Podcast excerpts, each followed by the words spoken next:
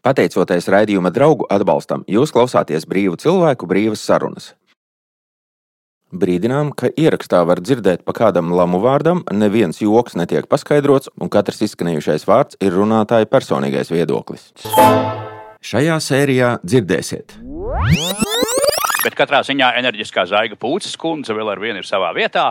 Un valodas mehānisma sagatavošanai atvēlētie 7,7 miljoni, es domāju, ka aizies kā smērēts. Par jaunās valdības pieeju. Viņa aizstāja politiku ar politikānisku masturbēšanu. Tas ir Viņi grābstās gar jūtīgām vietām paši savām un gūst, tā sakot, izlaicīgu gandarījumu. Ja ir viens briesmīgs riebeklis, kurš ir sataisījis ziepes um, Ukrajinā un sazina vēl kur citur, tad iespējams, ka tāds ceļš būtu ejams. Ja riebuļekļu, riebuļekļu ir desmit tūkstoši un vairāk, tad ir jāmeklē citi ceļi. Ja jūs gribat izsūtīt 200 tūkstošus cilvēkus, jūs pasakām ticošie, tad ir 200 tūkstoši procesu pa miljonus gabalā.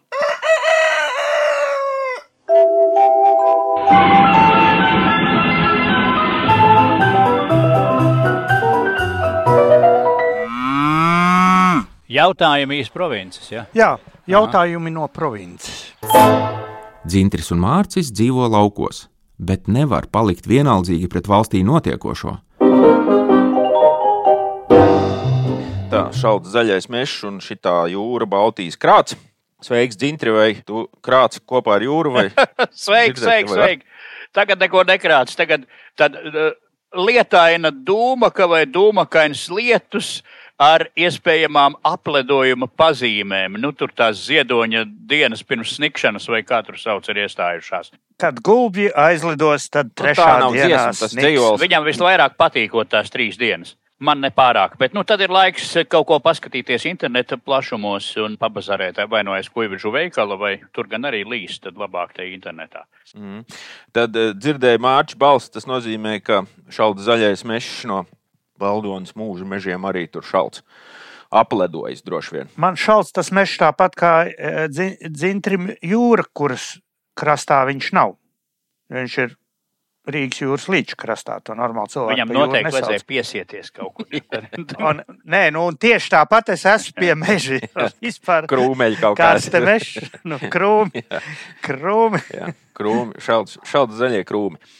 Šodienas raidījumu laikam tomēr nāksies sākt ar vienu nepieteikti nesagatavotu tēmu. Mm, Galu galā sen nebija bijis pagroms. Eiropas, faktiski tā ir Eiropas teritorija, Dagestāna. Lai arī kāda tā Krievija, tas sanāk geogrāfiski Eiropā. Un gribu klausītājiem atgādināt, ka vārds pogroms ir viens no retajiem Dostojevska cēlās valodas vārdiem, kurš ir iegājies visā, visā pasaulē. Tieši angliski runājošie arī šo vārdu tieši tā lieto. Un nopelnījusi tā tauta ir to uh, godam. Vēl simts gadus pirms kristāla nakts šīs Dostojevska tautas cēlē pārstāvi uh, jau ierādīja to ceļu. Es te atsaucos uz Svētdienas vakaru notikumiem Dagestānā. Tad bišķi plašāk pats parunāju, jo gribu iedot to piespēli tādu nopietnāku sākumā, un tad varbūt vienu secinājumu no sevis es pielikšu. Zintri, vai tu pamanīsi to notikumu, vai tevi tas tā arī kaut kā tā uzrunā? Personīgi? Nu, tur tur divi īsti teikumi mani personīgi neuzrunā. Es nezinu, vai audzināšanas vai citu iemeslu dēļ es, es neredzu kaut kādas antipātijas pret tautām. Ieskaitot ebrejus vai žīdus, ieskaitot čigānus, ieskaitot līdz neilgam laikam krievus, ieskaitot vāciešus. Es nezinu, ko tur vēl ir. Nu, tumšādainos man tas kaut kā nav. Nu, no tāda viedokļa es esmu pretinieks jebkura veida neprognozētām, haotiskām uh, vardarbībām, sišanām un, un graušanām. Un otrs gan ir tas, ka Krievijā visāda veida radikalizācijām tagad ir labvēlīga vide. Frontē iet sūdīgi, Uh, nekāds gals vēl nav redzams, izņemot, izņemot tur vispārēju raksturu aicinājumus par, par dzimteni mirt un tā. Uh, līdz ar to tās dusmas vai aizturētais naids lauzuši uz āru. Un pie jebkura kā tur to sauc, embrionāla antisemītisma vai tam līdzīgi. Uh, tas viss nāk uz ārā, kā tas izpaudās uh, tur um, Dagestānā, Mahačkalā, ja laikam atlidojušās lidmašīnas pasažieru eventuālā grilēšanā līdz tam, ka tur kaut kādai Krievu gvardei vajadzēja jaukties pa vidu un ar pipkām viss izdzenāt. Droši vien, ka Putins un, un visa tā kodla nav pārāk apmierināti ar to, bet viņi tur neko nevarēs darīt, jo te šeit, te tur Krievijā šāda veida parādības ir stipri prognozējamas. Es nezinu, es īsti nevaru saprast, kāpēc tie Izraēļi uz turieni tieši brauca. Nu, tā nu galīgi nav tā īstā vieta, kur viņus ar laipnām rokām un sāls maizi uzņemt. Man par tevis teikto būs komentārs, jo pāris punktos es tev kategoriski un radikāli nepiekrītu. Bet uh, varbūt Mārcis, tad droši vien nu, pateiksi. Visticamāk, ka tu. Es, es domāju, ka mūsu. Es domāju, mūsu klausītāju lielākā daļa ir informācija un viedokļus savākušies pietiekoši, lai e, viņus neapgrūtinātu ar e, pārstāstu par šo. Ne, pārstāstīt nevajag nekādā gadījumā, bet par to nav par runu. Tas, kas ir uzkrītoši, ir tas, ka šis nav nejauši. Un tas nav tikai tādēļ nejauši, kā Dzintrs saka, ka tur ir iespējama radikalizācija, tur neiet kaut kā karā un tā. Nē, tas ir civilizāciju konflikta loģiska sastāvdaļa. Jo no tā vien, ka kaut kur pasaulē dara pāri islamticīgajiem, šādas lietas nenotiek. Krievi nobumboja Lepo, tur bija tikai islamticīgie. Nobumboja līdz pamatiem. Neviena protesta nekur, nevienā vietiņā. A šeit lūdzu uz līdaks pavēli. Ja? Londonā cik tur simti tūkstoši cilvēku, ja? kas notiek Parīzē. Nu, un šis notiek tātad Ziemeļkaukāzā, kā Juris pareizi atzīmē, saskaņā ar klasisko geogrāfijas konceptu. Eiropas robeža iet pa Kaukās galveno grēdu, vai ne? Ziemeļkaukās ir Eiropa, un Armēnija ir Āzija jau. Ja? Tā tad, ja tas tik viegli ir izdarāms, un mēs redzam, ka tas ir viegli izdarāms, mēs visi esam apdraudēti. Visi. Un galvenais secinājums būtu, ka mūsu solītais, bet iekavētais raidījums par eh, šaujamieroču lietām eh, to nedrīkstētu eh, pārāk atlikt vairs. Tas ir, ja kāds nav sapratis, pēc šiem notikumiem, pēc tā, kas notika Gazas kibucos, Dienvidu Izrēlā, pēc tā, kas šobrīd notiek. Mahačkalā tas var notikt jebkur uz līdakas pavēli momentāli. Tevis pieminētais ieroču raidījums tiek gatavots. Mēs par to neesam aizmirsuši un esam solījuši, un tas noteikti būs. Nevaram solīt tieši kad, bet būs. Bet par šo tēmu, ko mēs šobrīd runājam, es no savas puses gribētu varbūt tiem cilvēkiem, kuri tajā konfliktā, kā viņi to saka, eh, ebreju un arābu konfliktā nevar tur, tur viss nav tik viennozīmīgi, un tur viss vainīgi un tam līdzīgi. Eh, gribu pateikt eh, savu viedokli, kas man palīdz izšķirties. Tas ir atcerēties buču. Mēs zinām, ka buča nebija uh, vienīgā tāda. Tas nebija nekāds unikāls gadījums. Tā notika visās šajās teritorijās. Atšķirības starp buču un to ārpus gazas to pie, pierobežu bija tāda, ka bučā viņi slēpa šie paši cilvēki, sauksim, vai nezvēri, slēpa savus izdarījumus.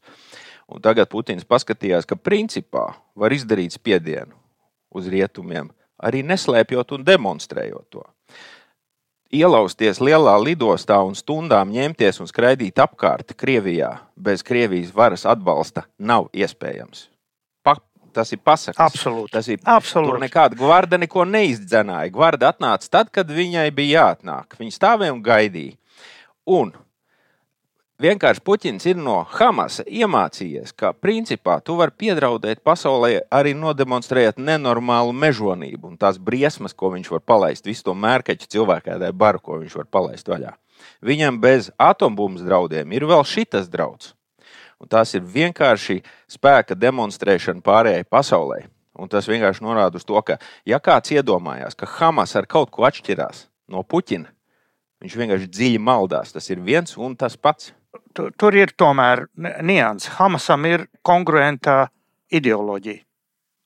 Puķina Krievijai ideoloģijas nav. Nu, tādā nozīmē, Bet, nu, viņi ir labāk bruņoti. Ja. Jā. Varbūt tādā nozīmē tas ir viens un tas pats, ka tur tā situācija ir tāda, ka ir kaut kāda milzīga pasaule, kurai traucē tie, kas ir blakus, un tie ir jāiznīcina, vienkārši fiziski jāiznīcina. Tas ir tas dzīves mērķis, kā es šodien dzirdēju vienās ebreju ziņās. Gazā dzīvo divi miljoni palestīniešu, arābu. Un uh, 200 tūkstoši no viņiem apmēram tiek rēķināts kā reāli Hamas iesaistītie un atbalstītāji un tam līdzīgi. Pārējie visi drausmīgi neapmierināti ar to Hamas. Jo viņi dzīvo nabadzībā, viņi zina, ka viņi tiek apzakti, viņiem visu to, ko viņiem tur pasaule sūta, viņiem nozog, visi viņus tur. Un viņi ir drausmīgi neapmierināti līdz tam brīdim, līdz 7. oktobrim, kad viņi beidzot ir priecīgi, ka Hamas ir izdarījis to darbu, kas viņiem patīk tiešām.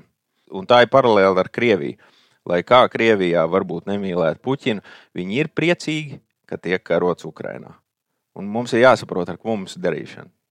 Un es atļaušos atgādināt, es esmu nozvērējies tagad nelietot vārdu savienojumu visi tur tādi. Un tie noteikti nav visi krievi, bet tikai 80%. Tas ir drusku pār pa 100 miljoniem uz mūsu robežas. Biedrens Golubevs kā saka, konstruktīvā meistardarba. Nu, tagad no pasaules lielajām šausmām un vētrām, kuras vēl, nu, varbūt, paldies Dievam, vai kā savādāk, nav līdz mums atvēlušās tādā tiešā veidā, atpakaļ mūsu tomēr skaisti mierīgajā un, un, un mīlīgajā dievzemītē ar jaunu rubriku. Mēs te katru otro raidījumu jaunas rubrikas visādas izdomājam. Mums raidījumā un šodien arī ir viena, un Dzintrim ir uzdots, bija uzdots sagatavot rubriku. Un vienīgais, ko mēs par to rubriku zinājām, ka tās nosaukums būs kaleidoskops. Nu, tad Dzintris, kā nu saprata, tā izdarīja. Dzintri, vārds. Kaleidoskops vai, vai panorāma tur teikt. Panorāma. panorāma tas ir tāds tā kā bišķi aizņemts vārds, un vispār viņam tagad nav pārāk labas pieskaņas tam vārdam. Pēc vis tā, ko mēs te lasām pēdējās dienās sabiedriskā mēdī visā. Nu, par kaleidoskopisku panorāmu mēs taču Jā, varam kaleidoskopisku vai ar vairojamo glāzi. Nu, teiksim, tur bija vecos laikos Aha. tāda rubrika. Mm. Tur kaut kā tāda. Jā. Mm -hmm. Jā, tā tad eh, trīs tādi nelieli notikumi. Pirmais. Izgājuši nedēļu mediju laukos nu, iepriecināja teksts, kā citēju Latvijas zvejniekiem, nu, tas man tuvāks, ar to es sākšu. Latvijas zvejniekiem 24. gadā būs būtiski labākas zvejas iespējas nekā sākotnēji paredzēts. Tās labākās zvejas iespējas nākamgad Baltijas jūrā noteica par 43% mazāku reņģu atļautās nozvejas eh, kvotu nekā šajā gadā. Kādas būtu sliktākās iespējas? Ir versijas kungi. Ne, es varu piedāvāt, ne, nu, ka pašiem, kā, zini, ka pašiem jāved klāt. Ir. Jā, zini, ka jāved klāt un jāgāž iekšā. Nu, ka mī, jāpērk veikalā nu, riņģis un jālaiž kompromis. kompromis. Kaut kur no mola, no tavas kapteiņu ostas. Tur, jā, tur, tur tālu nav. Uh, nulle, nulle būtu, teiksim, tā, tā sliktākā iespēja, ko piedāvāja Eiropas komisija sākumā. Nu, kā reņģu zveja Baltijas jūrā tiktu aizliegt. Man jāatgādina, ka līdzīgi tas ir atkal kaut kas cits. Tur tik, tā, tik traka nav, bet tieši jūrā tad zveja nu, tā kā tiktu aizliegta. Vispār jau katru gadu rudenī tiek noteikts šīs pieļaujamās zivju kvotas. To pamatā ieteica zinātnieki, nu, kā tagad saka, zinātnē balstīti, lai būtu tie lēmumi. Tie vāc datus, tad izvērtē, kāda sūda gaidām zivju atražošanā, citu gadu tad sūta visu to uz augstiem plauktiem Briselē, Luksemburgā, nu kaut kur tur. Tad tur ar gudriem ģīmiem apskata, nu, kaut ko pavaicā, tad pieklājības pēc to kvotu vēl tā kā bišķītiņi, bišķītiņi pabīd uz leju, ka nu tik kas nenotiek. Tad sabrauc tie zivju ministri. Tie čīks, ka ārprāts, ārprāts, nu ir bankrots, visi tur kasās, izdzer baigi daudz kafijas un vēl šo to pieklājības pēc to kvotu drusku uz augšu, nu, bet ne tik, ne tik ļoti, cik tie e, Briseles kungi un dāmas uz leju. Nu, tad kaut kā vienojas, e, nopaļos skaidrs un brauc mājās. Apmēram tā vajadzētu būt. Faktiski notiek mazliet citādi. Zinātnieki ieteikumi bijuši Baltijas jūras reņģei par 43% mazāk nozveja kā šogad. Man te arī jāpiesaka, ko kāds zinātnīs avots pie kuģu veikala teica, ka tās zinātnieku ieteiktās kvotas jau ir tāda baigot drošības rezerve. ja notirgotu zem tām mazliet, nu arī jau īstenībā nekas ļauns nenotiktu. Bet tā tas ir. Zinātnieki cipars aizpūš priekšniekiem, tiem nu tagad ar to būtu jārēķinās, bet, kā saka, iepūt svārku ļipā. Eiro komisijas dāmas un kungi Baltijas jūrai atvēl zivju ieguvi 0% apjomā. Te starp citu ir jāpiemina vēl viens fenomens. Baltijas jūras, jeb nu, tagad jāsaka, NATO jūras fenomens ir atkal Krievi. Redz, Krievi ir izmesti no ļoti daudz kurienes, tā skaitā no visiem iespējamiem zvejas un zivju kontrolas veidojumiem. Tie mazliet ir pagaudojuši, un sapratuši šo jauno statusu pa savām. Respektīvi, var maukt visu un cik vien labi daudz var. Nevien ir sevišķi Krievijas tajos teritoriālajos ūdeņos. Lūk, bet visizvirtušākā ir Eiropas komisijas ierēģu lēmumu pieņemšanas spēle. Tātad sākuma Briseles priekšlikumam nulei nav pilnīgi nekāda pamata. Tas nav kā tagad mēdz teikt, zinātnē balstīts priekšlikums. No zinātnes tur ir baigais attālums. Kādēļ tas ir tā? Nu, zinātāji vērtē, ka tas ir Eiropas komisijas prātvēdaru locīšanās zaļo histēriķu lobbyam. Apmēram tā. Mēs tā kā pieteicām nulli, bet tie tumsas spēki baigi sīvi pretojās. Nu, neko mēs nevarējām darīt. No visa tā ir viens galvenais secinājums. Eiropas komisijas lēmumu pieņemšanai gan šādās, nu, tomēr piedodiet, bet mazās lietās, piedodiet, zvejnieki, gan arī acīm redzot, daudz lielākās lietās. Visbiežāk nav pilnīgi nekāda sakara ar realitāti un pat ar tā saucamajiem zinātnē balstītajiem ieteikumiem. To der atcerēties no manas pirmā stāsta. Otrais stāstījums man ir par kukurūzu. Šoreiz par importu, kas nāk uz Latviju no Krievijas. Pie tam nāk ar pieaugumu 2000, ne tikai 22. bet pat 23. gadā. Tātad no Krievijas šogad ir ievests par 51 miljonu eiro, jeb importēts. No Ukrainas, kura ir vēl lielāks kukurūzu audzētājs, 23. gadā importējām kukurūzu par 1,56 miljoniem eiro. Atkārtoju vēlreiz. No Krievijas importējam šogad par 51 miljonu, no Ukrainas apmēram par 1,5. Pēc tam no Krievijas visus pēdējos gadus, sākot no 14. Tā tendence kukurūzai, un ir vēl daudz lauksaimniecības produkti, tā tendence visu laiku ir pieaugusi, un 23. gadā ir maksimums. Neskatoties uz to, ka ir karš, neskatoties uz kaut kādām tur sankcijām un gal galā to politisko dienas kārtību. Vēlreiz paskatīsimies. Ja skatās tajos procentos, cik nu kurš tur pasaulē to kukurūzu ved ārā, tad Ukrainai ir 15%. Baigais strēķis. Krievijai 2%. Tā vismaz raksta ASV lauksaimniecības valsts departaments. Rādītāji, nu, daudzums un citi būtu Ukrainai labvēlīgi. Gal galā arī politiskais fons, piedodiet, labvēlīgāks. Nu, un pērkot Ukraiņas kukurūzu, mēs par milimetru kaut kā palīdzam karā pret uh, Krievu fašistiem. Bet, nu, notiek drusku savādāk. Mēs, nu man diemžēl jāsaka, tad mēs redz, pērkam no okupantiem, palīdzot viņiem okupācijas karā citas zemes teritorijā. Kāpēc? Nu, es vaicāju atkal pie veikala zinošākiem ļaudīm pārtikas, marketinga, transporta lietās. Ukraiņas kukurūza ir kvalitatīvi labāka. Cenām nevajadzētu būt atšķirībai. Ukraiņas mantai tā cena iespējams pat zemāka. Taču, taču ir ļoti liela iespēja, ka krievi pārdod zaktu Ukraiņas kukurūzu. No tiem apgabaliem, kas šobrīd ir okupēti. Nu, tāpat kā es kojuvišu veikalu piedāvātai zaktai, pufaikai vai lāpstai, uzreiz ir cita, daudz zemāka cena. Un tur nav pilnīgi, nu, manā saprašanā, nekāda cita līdzekļa, kā tikai tirzniecības aizliegums ar Krieviju lauksaimniecības e, precēm. Un otrs, savādi ir arī tas, ka ar Krieviju Vēl ar vienu ir daudz labāka loģistika nekā ar Ukrainu. No Krievijas vagoni var ripot šurp vēl ar vienu bez kādām problēmām, ja nav šo sankciju. Cits jautājums. Ka iespējams tas viss aiziet tālāk uz kādām trešajām valstīm, un mēs tikai reimportējam. Tas viss var būt. Un mazliet tāda ieblēšanās ir notikusi mūsu zemkopības ministra un arī prezidenta personā, ka vajadzētu runāt par sankcijām attiecībā pret vismaz kaut kādu daļu lauksaimniecības produkcijas, it sevišķi to, ko var nozagt Ukrainā. Nu, Nu, vecais teiciens, nauda nesmird. Nu, tā apmēram mums šobrīd ir ar kukurūzu. Nu, skatīsimies, kā tās lietas ies tālāk. Es domāju, ka tās lietas tāpat vien ies uz priekšu, kamēr nebūs kaut kāda radikāla zoļa. Tas stāstīns par kukurūzu, Krieviju un Ukraiņu.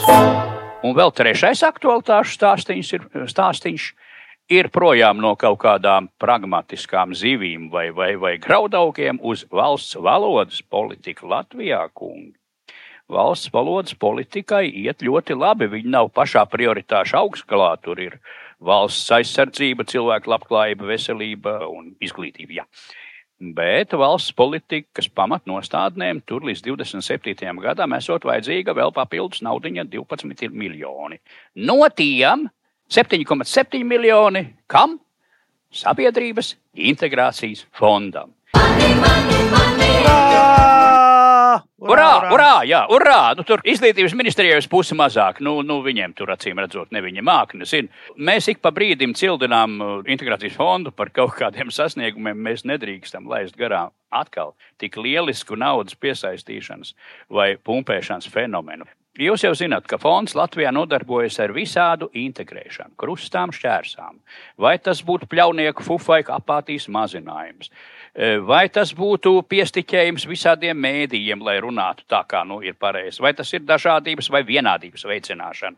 Vai sazina, kas tur vēl, bet viņi vēl ar vienu atrod kāju durvīs ielikt citiem naudas avotiem? Kā šajā gadījumā, kā tas ir teikts, tie septiņi miljoni ir vajadzīgi latviešu valodas apguves piedāvājuma mehānisma izveidei. Nu, tas tam mehānismu darbināšanai un adaptēšanai tur kaut kas cits vēl būs. Vairāk kā trīs. Baigais mehānisms, jāsaka, izklausās ne pa jokam. Tas ir rītīgi, tas ir vismaz šitais te kosmos kuģis kaut, kaut kas tāds. Vairāk kā 30 gadus pēc neatkarības atjaunošanas mēs būvējam kungi un dāmas latviešu valodas apguves mehānismu. Var jau gadīties, ka manis te apdziedātie 7 miljoni mehānismu izstrādēji nebūs nekas liels pret kopējo SIF budžetu. Jo, nu, kungi, kas klausās, un dāmas, es zinu, ka daudz no jums ir amatos. Es drusku paskatīju, nu, nav nevienas iestādes, resoru vai ministrijas, kur budžets pēdējos gados augst, augtu tādos tempos. Pēdējos četros gados no 15 līdz 38 miljoniem, jeb aptuveni 145%. Piedodiet, daudz apspriestā veselības ministrijā, tai pašā laikā pa to pašu posmu 31%. Aizsardzības ministrijā, ja nemaldos, vēl mazāk. Okay, tur var teikt, nu, tur vajag traknie skaitļi, un līdz ar to tas procents lielāks. Bet knabam, knabam tai pašā laikā kāpums ir no 11 līdz 18 miljoniem, jeb apmēram par 1,5 60%. Džintri, es gribētu tev atgādināt, ka tu esi aizmirsis, mums ir vesela jauna ministrija uz līdzenas vietas radīta. Tur ir nepajokam izaugums. Nu, tur no o, jā, nu, nulles nu, izaugums no nulles. Jā, jā. Rēķinus, tur, tur, tur, jā, Par jā, mūsu ir. dārgā klimaks ministrija darbojas. Nu, kaut kas tāds, bet tad skatīsies, kāds ir viņiem pieaugums pret iepriekšējo gadu. Un uh, tad varbūt tas būs vienīgais kon konkurence sabiedrības integrācijas fondam. Vienīgā atšķirība šobrīd, ka padomas priekšsētētāja, agrāk bija Nauris Puntulis, Kultūras ministrs tagad, kultūras ministre vairs nu, nav padomus priekšsēdētāji. Bet katrā ziņā enerģiskā zaiga pūces kundze vēl ar vienu ir savā vietā un valodas mehānisma sagatavošanai atvēlētie 7,7 miljoni, es domāju, ka aizies kā smērēts. Pie tam pat valsts kontrole, viņi ir 21. gadā baudījuši fondu un teikuši, ka fondā viss ir kārtībā, papīri sakārtota, nauda iztērēta atbilstoši iecerētajiem mērķiem. Viens skaists un spožs naudas tērēšanas vai pumpēšanas vai izpļakarēšanas paraugs. Es gaidu, kad kāds tomēr politiķis, nu vismaz populistiski, mēģinās kaut kā drusku vairāk pievērst uzmanību vismaz tam mehānismam, Kā var tik forši valsts līdzekļus piesaistīt, kur citi, ieskaitot manu mīļo radio un televīziju, staigā mocās un vairāk par vienam miljonam vai diviem gadā klāt nedabū. Tātad, nu, piedodiet, kungi, bet nu, optimistiski man sanāk vismaz par šo lielisko struktūru. Es, es, es piekrītu ļoti optimistiski. Reņģis no 0 uz 43%, un, un šis te kukurūzs pa lēto mums nāk iekšā. Un, jā, eh, valoda jā, drošās jā. rokās, valodas mehānisms jau tiks izstrādāts. Tagad raksta nākamo to projektiņu, tā mehānismu eļošanai, tur atdrošināšanai. Eļošanai un darbināšanai. Jā, jā, jā. tā ir viss kārtībā. Labas ziņas, ir kā saka, ka mēs tā, tikai to slikto stākam. Viss slikti, viss slikti. Nē, viss ir ļoti labi kaleidoskops apliecina to, ka viss ir ļoti labi. Tā piedodiet, man arī dirsā dažreiz ir labi. Silti vienkārši un tā. Labi, ejam tālāk. 2, 3, 4, 7, 7, 6, 6, 7. Brīvais telefons mūsu studijā. Uzdod mums jautājumus vai ziņo par nebūšanām savā provincē. Gaidīsim no tevis zvanu, izziņu vai WhatsApp. Brīvais telefons 234 77 66 pirms brīža dzirdējām no Zintra labas ziņas. Jāsaka, Zintrs nav vienīgais, kurš mūs visu laiku ar labām ziņām priecē. Mums ik pa brīdim no varas un valdības puses visādas labas ziņas tiek uh, dotas. Mums ir par elektrību.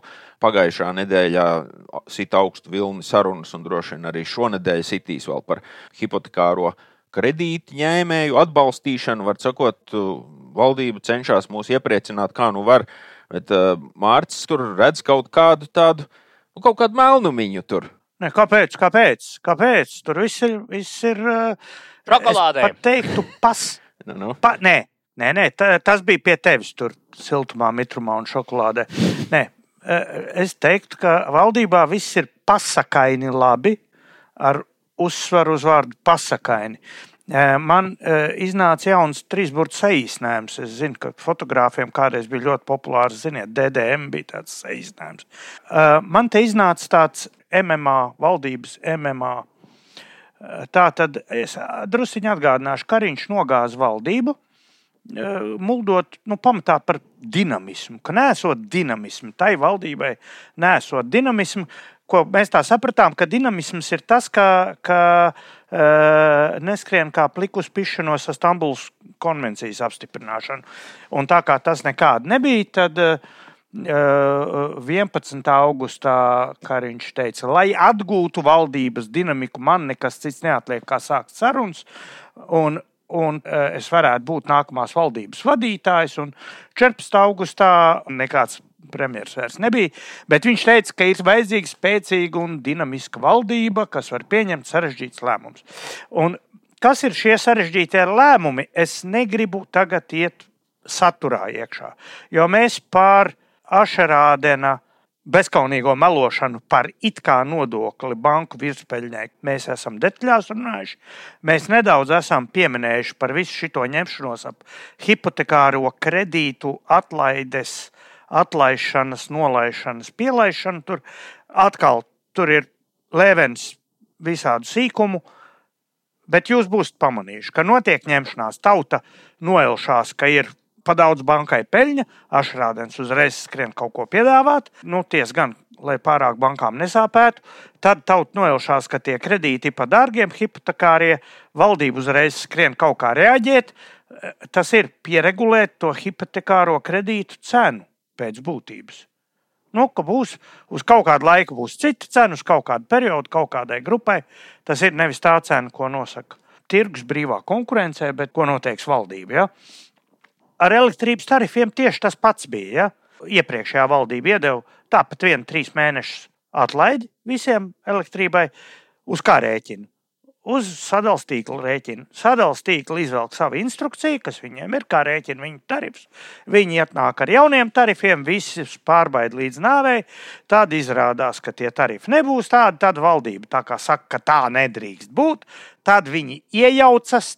It kā tarifos, tad sadalījuma tīkla nāk ar citiem tarifiem, stāsta, ka pieaugums ir 30%, tur, kur pieaugums ir 300%, un tad valdība regulēs atkal to lietu, kuras regulēšana ir kādreiz izdiskutēta ilgtermiņa politikas rezultāts. Ja? Bet tās nebija dinamiskā formā. Tagad, tagad īstenībā nu, pa jaunam būs dinamiski izdiskutēts. Tas toreiz pa vecam tas nebija. Tādā dinamiski. ziņā varētu būt gan. Jā.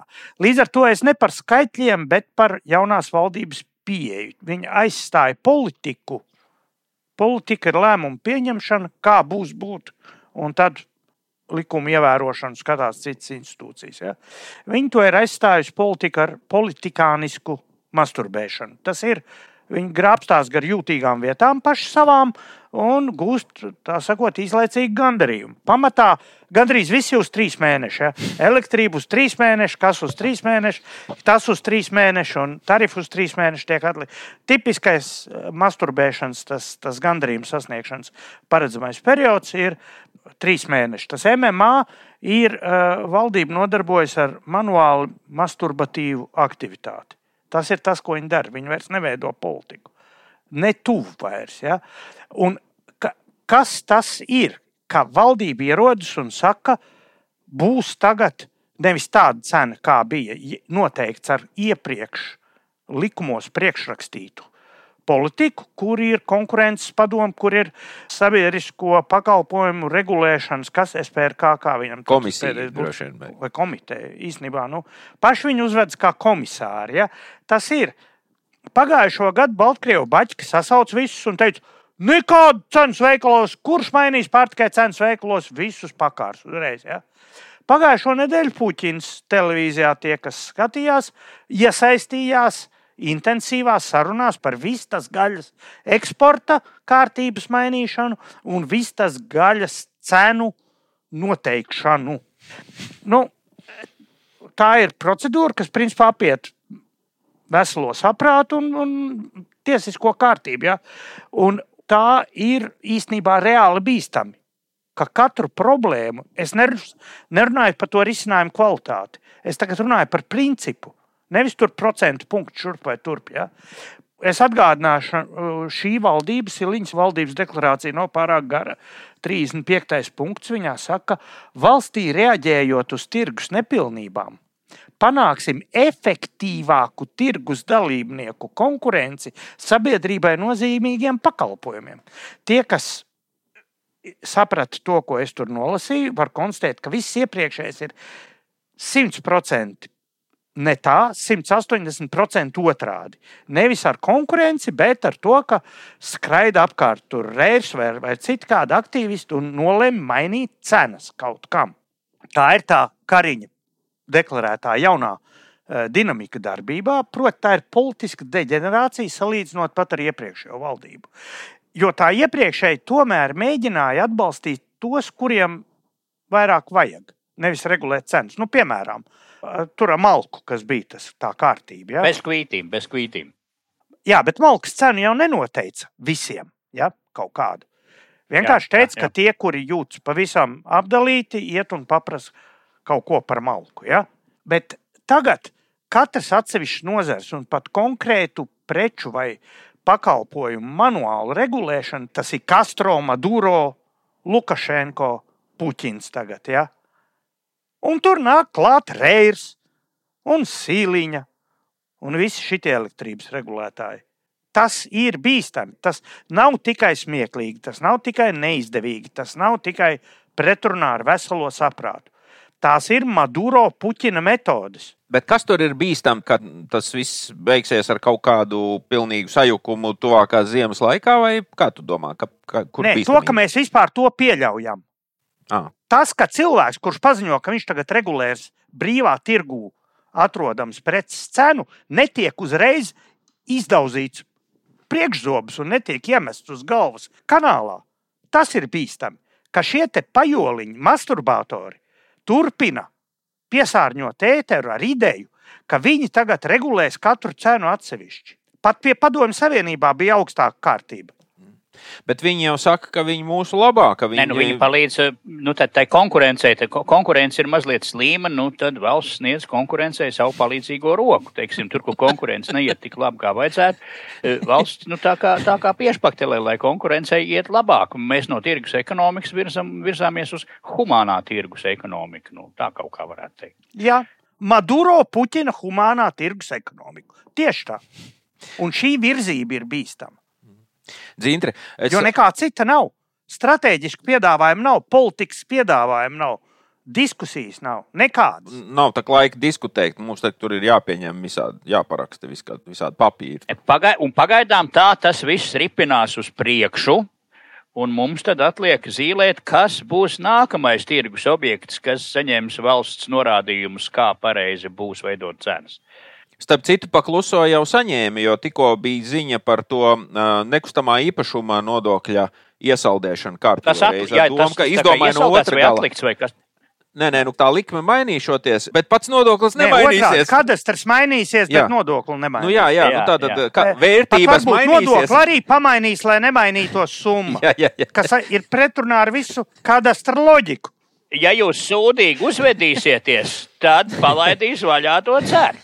Tā kā protieties, draugi un draudzenes. Nu, ne, par, par banku čakarēšanu.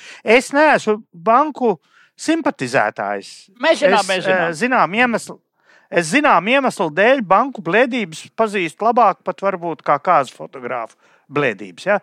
Bankām nav citu preci kā nauda. Viņas pērk naudu un pārdod naudu. Ja? Un tas ir viņu pakalpojums. Un te pēkšņi ierādās viens, kas saka, nē, tu tagad pirksi par tādu cenu, bet pārdos par šī tādu. Bet, nu jā, tas ir absurdi. Bet kur iestāsies tie ekonomiski taustāmie sūdi? Tad pēc tam bankas uzliks, oi, dubulto hipotekāriem kredītiem vai kā? Tas, uh, ne, tas sadārdzinās, protams, visu kopējo banku sistēmu, ko grūti iedomāties. Jo mums jau kopumā tie liela daļa uh, tā, kas notiek, ir nesamērīgi dārgi Latvijā savā ziņā dēļ tam, ka tā konkurence ir nepietiekoša un viņa tikai samazināsies. Un viens no iemesliem, tur tas vaiprāts, kas mums notika ar tā saucamo, kā viņi sauc, remontu, kapitālo remontu, ja, to, tā rezultātā mazās bankas ir nospiestas daudz sliktākā stāvoklī nekā lielās. Jo AML prasību izpildīšana, pretmazgāšanas prasību izpilde visos lielos uzņēmumos ir vairāk cilvēki, kas nepārtraukti raksta paskaidrojumus. Bankās mēdz būt 20, 30 cilvēku nodaļas, kas nepārtraukti ar to nodarbojas. Un, ja tev ir 1000 darbinieku, tev ir 30 cilvēku nodaļa, tad tas ir 3% no darbiniekiem. Un, ja tev ir kā mēdz būt mazajās bankās, kas bija iecerētas ar 50, 60 darbiniekiem, un tev ir jāuzkrauj tur virsū vēl 30 darbinieki, kas ar to nodarbojas.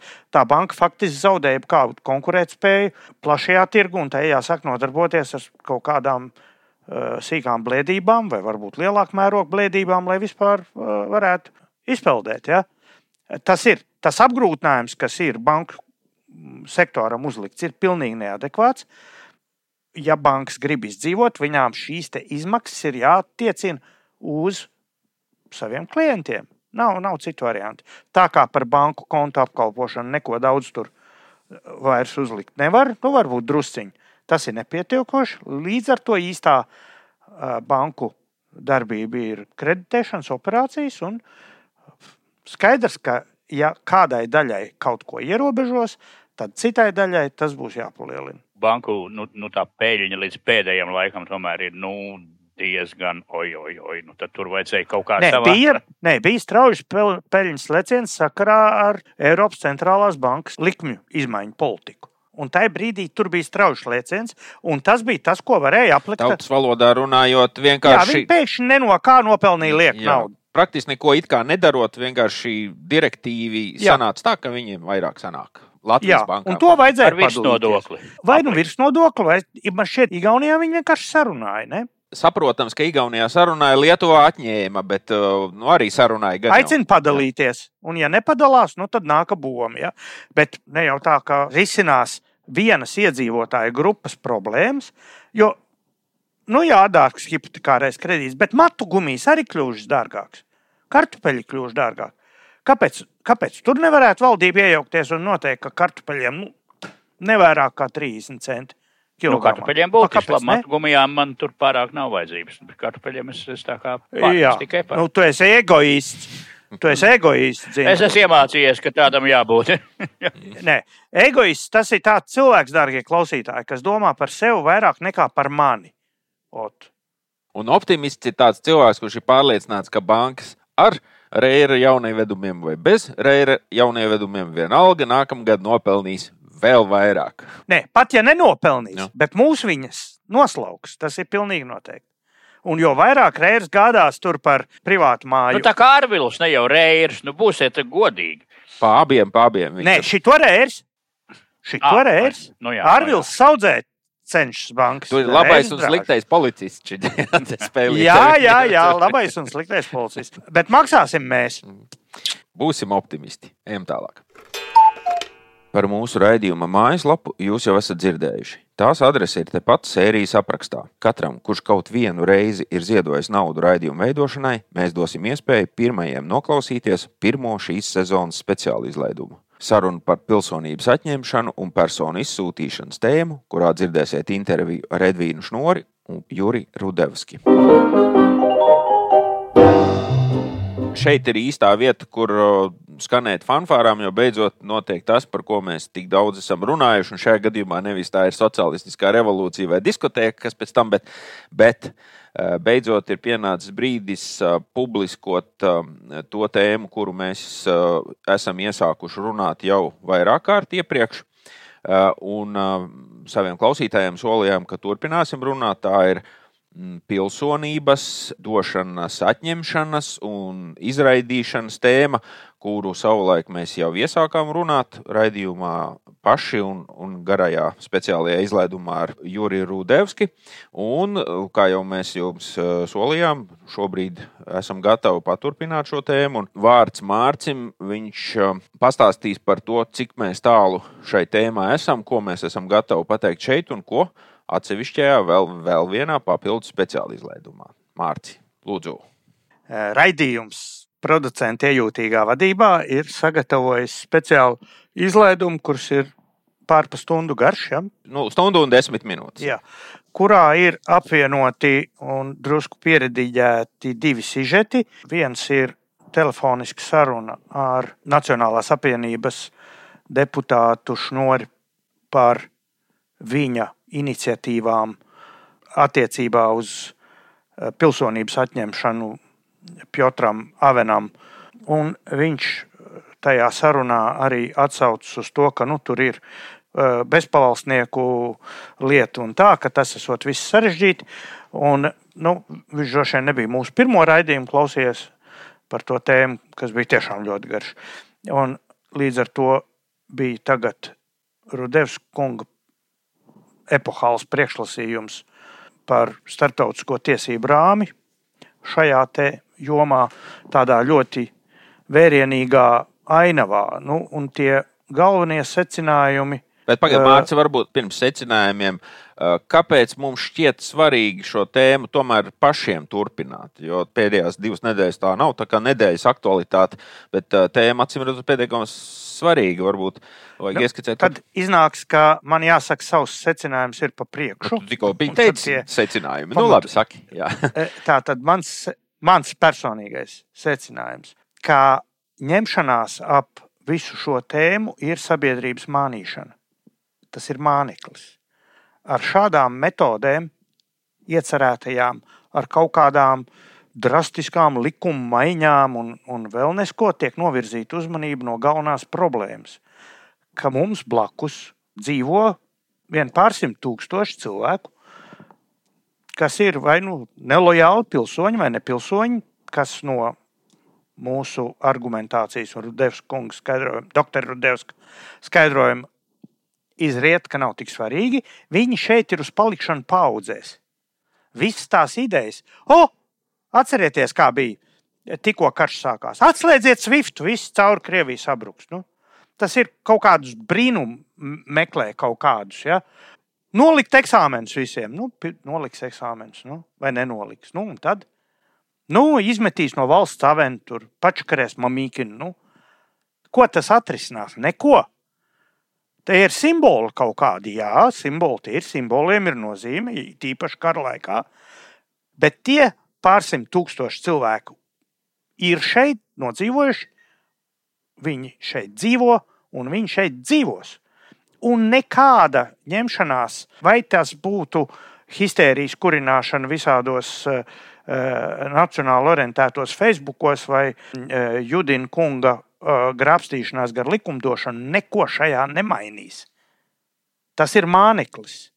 Tās ir brīnumpasakas kaut kādas, un ja tu notici brīnumpasakām, tu esi apdraudēts, jo tu nemeklē īsto risinājumu. Mm -hmm. Tas ir galvenais, kāpēc es labprāt piedalījos šīs tēmas uzturēšanā. Un abas šīs te gan saruna ar deputātu Šnori, gan priekšlasījums no juridiskā zinātņa doktora Rudevska labi ilustrē šo te manu secinājumu. Divos vārdos pa abiem pastāstām. Tātad vispirms intervija ar Edvīnu Šnori. Viņš raksta vēstules iekšlietu ministrijai ar jautājumu, kāpēc viņi neizsūta avienu. Jo, principā, nu tā, ja tu cilvēks darbojies uh, pret Latvijas uh, interesēm un, un tev vispār ir divas pilsonības, ja, viņi varētu izsūtīt. Nu, Šnoras kungs tur saka šādas lietas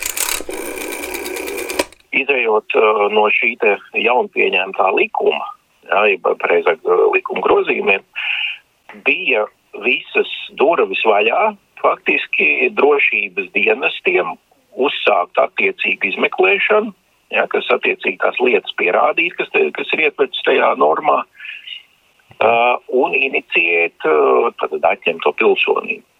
Nu, mēneši gāja, ja, kā mēs atceramies, tur viss 2022. gads, un tur jau radās arī jautājumi, ka, kāpēc tiešām, un arī komisijas uzdevums šos jautājumus tieslietu ministrijai, nu, nu, ir pieņemts, nu, ka, kas, kas notiek, ja, ka, kāpēc, teiksim, kaut kā vairs neko nedzird lieta apstājas pie tā, ka it kā tātad drošības dienests, ja eh, pareizāk drošības iestādes, nu neko no viņām nedzirdēja, neko viņas nenāca ar savu kaut kādu atzinumu vai kaut kādu savu, nu un tur palika pie tā, ka, ka tas process nav viegls, ka tur ir jāvāc pierādījumi un tie ir mēneši, nu labi, nu tur tad kaut kā tas uh, turpinājās, bet tad, cik es atceros, arī tieslietu ministrs, citu toreiz, tad, viņš bija uh, Bordāns. Uh -huh.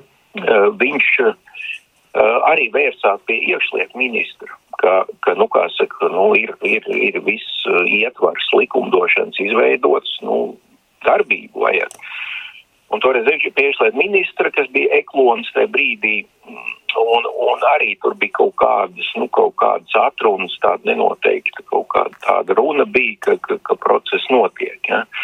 Uh, nu, un tad reaģējot uz to, ka tiešām tas pavirzījies nav, tad, tad es arī vērsos ar, ar līdzīgu iesniegumu, ka iekšliet ministra, ka, ka lūdzu iekšlietu ministriju izvērtēt pilsonības atņemšanu Avenam. Nu, uz to es saņēmu atbildi ka iekšliet ministrs pilsonības neatņem. Tātad eh, iekšlietu kompetencē nav jautājumu, kas saistīti dokumentu par Latvijas pilsonības atņemšanas izskatīšanu. Uh, un vienlaikus pauž pārliecību, ka kompetentās valsts pārvaldes iestādes, kas vērtē jautājumus, kas saistīti attiecīgi lēmumu pieņemšanu, īstenos savus pienākumus un tā tālāk. Mhm.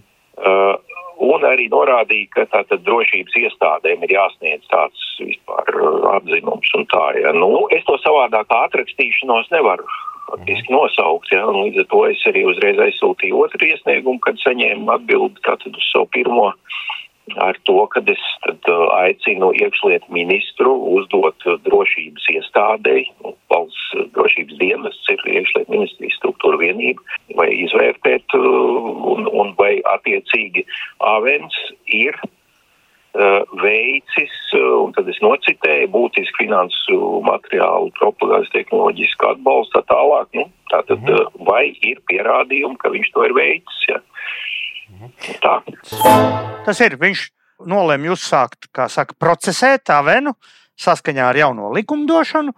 Jo tie grozījumi ar grūtībām pieņemt, viņš arī apska, apstāsta to vēsturiskos kaut kādus momentus.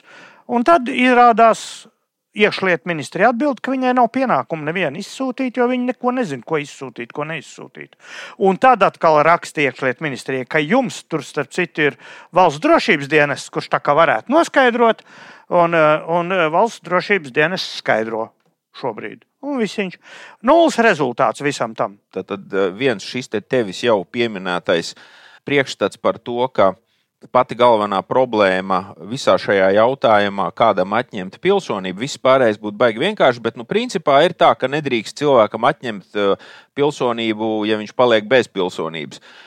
Kas savukārt uh, garajā Rudevska kunga skaidrojumā vairs nav tik viennozīmīgi. Tas patiesībā varbūt nav nemaz tik grūti šis aspekts.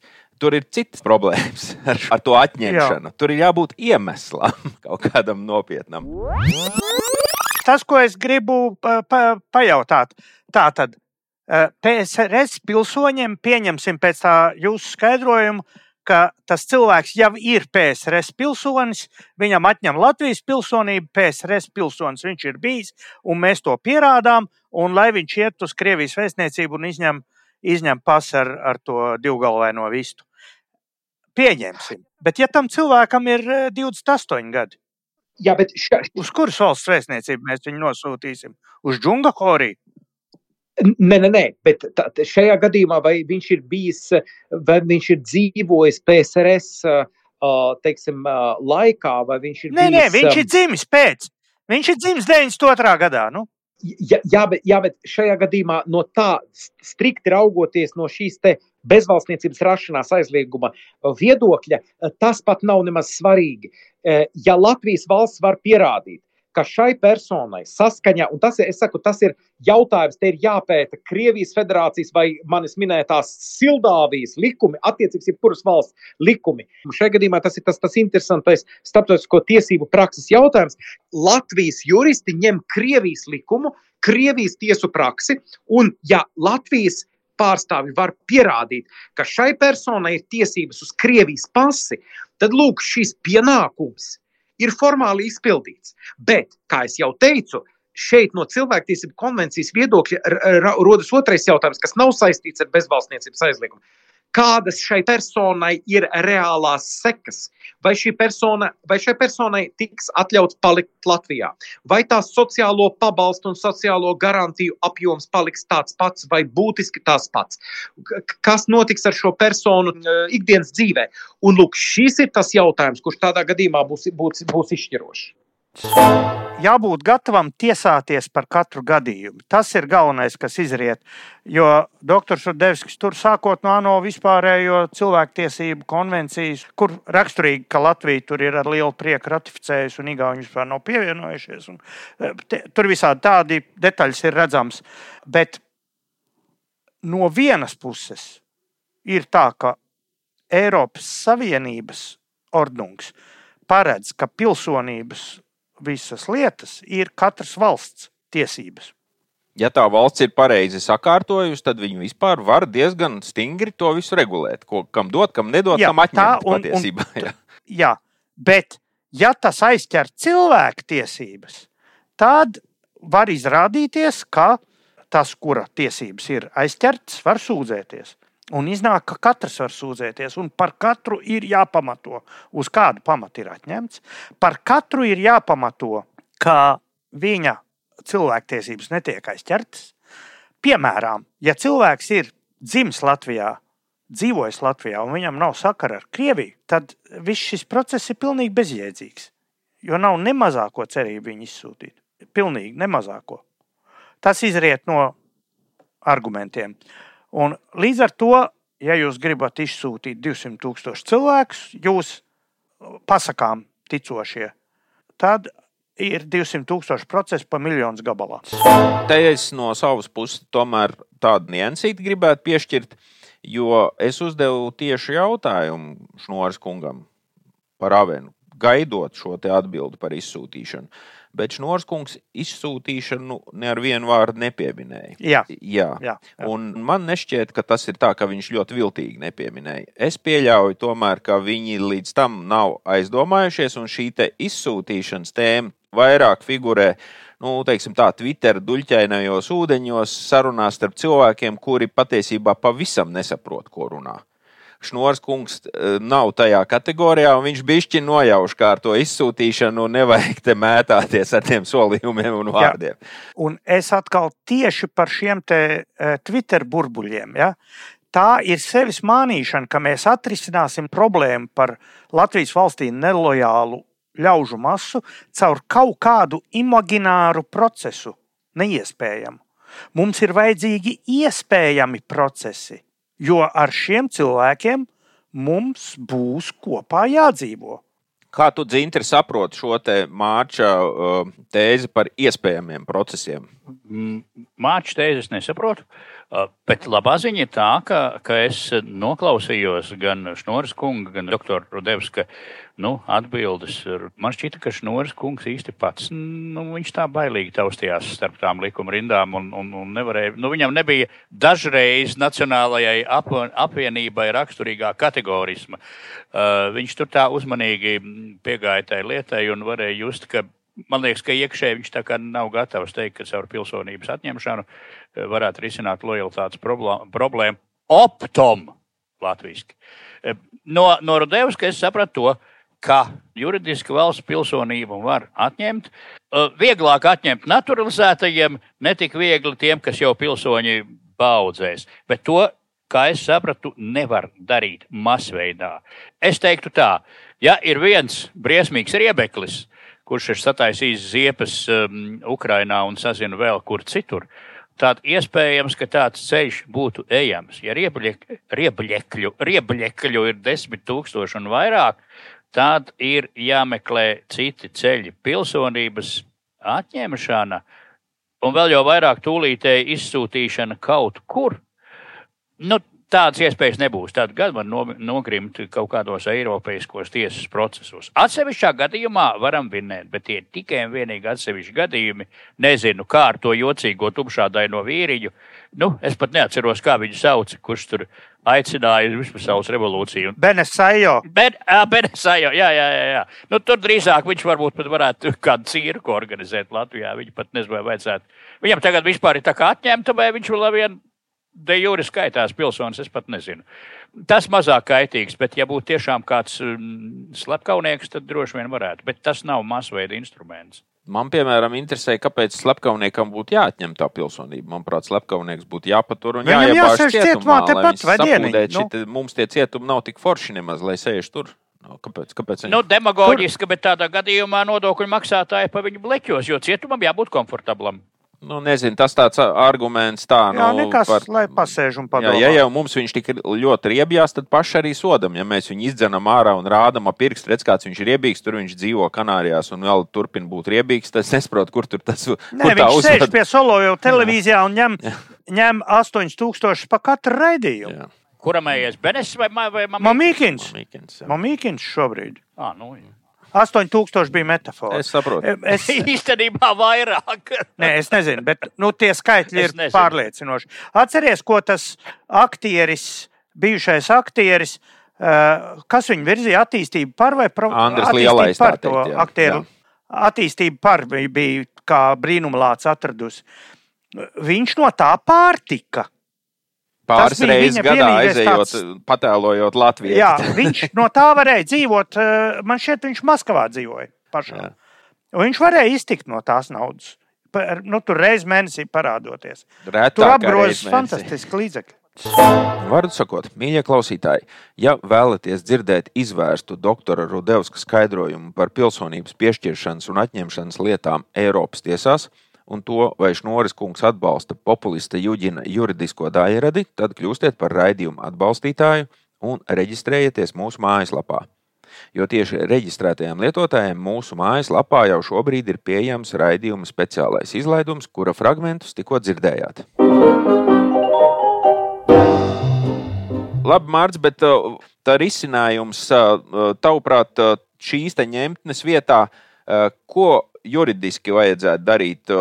Vairāk sekot tiem, kas izrunājās, palaiž muti vai uzvedās pateikt, slikti? Vai kā? es zinu, kas ir jādara, lai cik nokavēts, bet jādara vienalga. Nu, nu. Jāizliedz jebkāda veida izglītība Krievijas valodā. Punkts pirmais. Jebkāda veida izglītība. Vissmagākie sodi par Krievijas bērnu dārziem, kā pretvalstisku darbību. Tu domā par valsts naudu, jeb vispār? Nē, privāti lūdzu. Par valsts naudu nedrīkst būt ne, neviena zilbe krieviski. Neviena zilbe. Tikko muti vaļā, pirmo reizi iedod pa muguru, otro reizi akāja pa dirzu. Viss ar to var nodrošināt, ka pēc 10, 15 gadiem būs kaut kā drusku citādi. Tas, ko mēs tagad redzam, ir iepriekšējās uh, mūsu integrācijas politikas. integrācijas politikas sekas. Integrācijas Jā. fonda Tā rezultāts. izskaitā integrācijas fonda, bet visvairāk izglītības ministrija un izglītības ministri, kur lielākoties visi ir pelnījuši astoņu gadu cietumā. Kā jau es teicu, izņemot Šo durski, Melno kuram no, nosacīt var iesākt. tam varētu jā, ar uh, sabiedrisko darbu kaut ko Sabiedriskos darbus. Jā, bibliotekā rakstīt bibliogrāfiskās kartiņas. Ar to ir jāsāk. Nevis jāmeklē tur, kur gaišs, jāmeklē tur, kur pazaudēts. Mēs esam pazaudējuši latviskas vides veidošanu.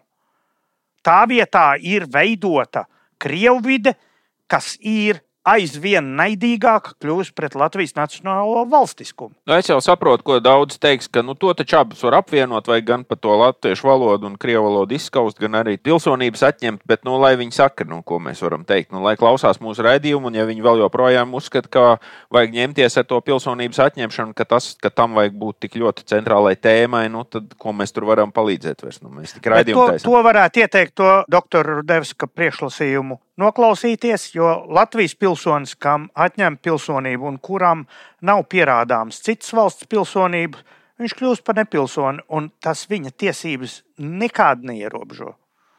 Uz tā fona es tiešām ieteiktu arī citiem, jo Rudevskis nu, skaidro, kā tāds pirmsziemnieku skolotājs, gan pat es sapratu lielāko daļu. Eh, To ir vērts paklausīties arī cilvēkam, kurš nejūtas judikatūrā un jurisprudencē un kādā tur vēl jurisā stiprs, eh, jo tas ir pietiekami skaidrs. Un otrs, nelo, nelojāliem cilvēkiem ir, eh, ko mēs jau runājām, ir jāgudro iespējas padarīt nelojālu cilvēku dzīvi pēc pirmā brīdinājuma, jo varbūt nu, vienkārši stulbs cilvēks, nu, paliek gudrāks, bet pamatā padarīt dzīvi maksimāli grūtu ar juridiski korektiem paņēmieniem. Jau baigi gudrais, jūs apklusāt, jau baigi gudrāt. Tādā ziņā- Nu, visādās ziņās, sākot no, Nē, šī- no val, bet- valsts sniegtajām Nē, dzintri, garantijām. dzintri, mums te iegriezās nevajadzīgi diskusijas, ceru, producents to gala, gala rezultātu noīsnās. Šī bija LNK ideja pirms 30 gadiem. Mēs nedosim tiem nepilsoņiem tiesības pirkt īpašumu, neļausim būt par advokātiem, neļausim būt par ugunsdzēsējiem, neļausim būt par sētniekiem, un viņi visi aizbrauks un būs mums miers. Un kas iznāca tieši otrādi? Aizbrauc, cik var būt tūkstoši cilvēku. Ja? Nekur viņi nebrauks. No otras puses, Ir vienkārši jāveic. Jā, No, bet no, no otras puses no, tas, no, no purčeks ir tukšs palicis. Ja? Nē, bet no otras puses, tas, ko pirms 30 gadiem jau tur tā ideja bija cita, viņi jau negribēja dot to pilsonību arī tā pa labi pakreisi. Tur jau bija Jā. bijis savādākam Jā. sastāvam. Tur bija runa par ne, Nu, jā, tādiem nu, īstiem tas, nepilsoņiem. Tas viss ir Jā, garām. tas ir Tas, kas ir jāveido, ir jāveido latviska vide, un tie, kas ir ļaunprātīgi, kaitīgi, nelojāli un tā tālāk, viņi ir jābremzē savā nelojalitātē. Bet tas arī viss. Viņi visi šeit dzīvos un nomirs. ļoti daudz var izdarīt arī ar attieksmi. Vienkārši nerunājot krieviski, nepārējot uz krievu valodu sarunās, latviešu vide, latviešu iestādes, latviešu papīri. Nu, Ar tad- sūdainu mietu iztrenkāt LSM Krievu šito te midzeni, Krievu propagandas stūrētājus. Jā, tas ir tas, ko varētu un vajadzētu darīt. Un integrācijas fonda izdzenāšana. Izbeigt ērtību šeit taisīt Krieviem savu gazu, kur tad viņi raks savus tuneļus un nāks mūs slepkavot. Tas nav jāļauj. Līdz ar to vienīgais veids pret to ir latviešu valoda, kā visas sadzīves pamats. Un tagad mūsu raidījuma nu jau par tradicionālo kļūsī un sēriju noslēdzošā rubrika. Jautājumi iz provinces. Jā, jautājums Aha. provinces. Ideja par šodienas jautājumu radās ieraksta laikā. Mēs pirms brīža pieminējām dažus, eh, dažus personāžus, un kā vienmēr šis jautājums izskan kā tāds pamudinājums mūsu klausītājiem. Padomāt un mēģināt atrast tādu bildi, un kā vienmēr tas tiek nolasīts brīnišķīgajā dzintra kolāta balsī. Dzintri, lūdzu. Kur ir pazudis kādreiz perspektīvais politiķis Andris Lielais.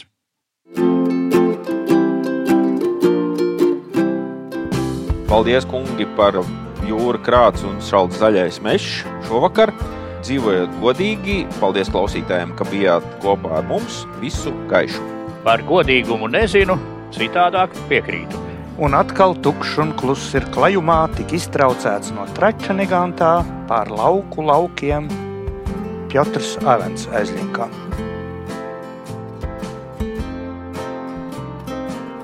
Atgādinām, ka raidījums var skanēt tikai un vienīgi pateicoties klausītāju atbalstam. Ja arī tu gribi palīdzēt mums turpināt atklāt neiedzības, skaidrot piņķerīgus jautājumus un saukt lietas īstajos vārdos, tad ziedo latviešu podkāstu atbalstam. Ziedojuma lādīti atradīs tepat zemāk šīs sērijas aprakstā. Un kā ziedotājiem tev pienāksies īpaša priekšrocība. Tu varēsi klausīties raidījuma atbalstītājiem veidotās speciāla izlaidumu sērijas un tiešraides. Pateicoties tev, brīvu cilvēku brīvas sarunas turpinās skanēt.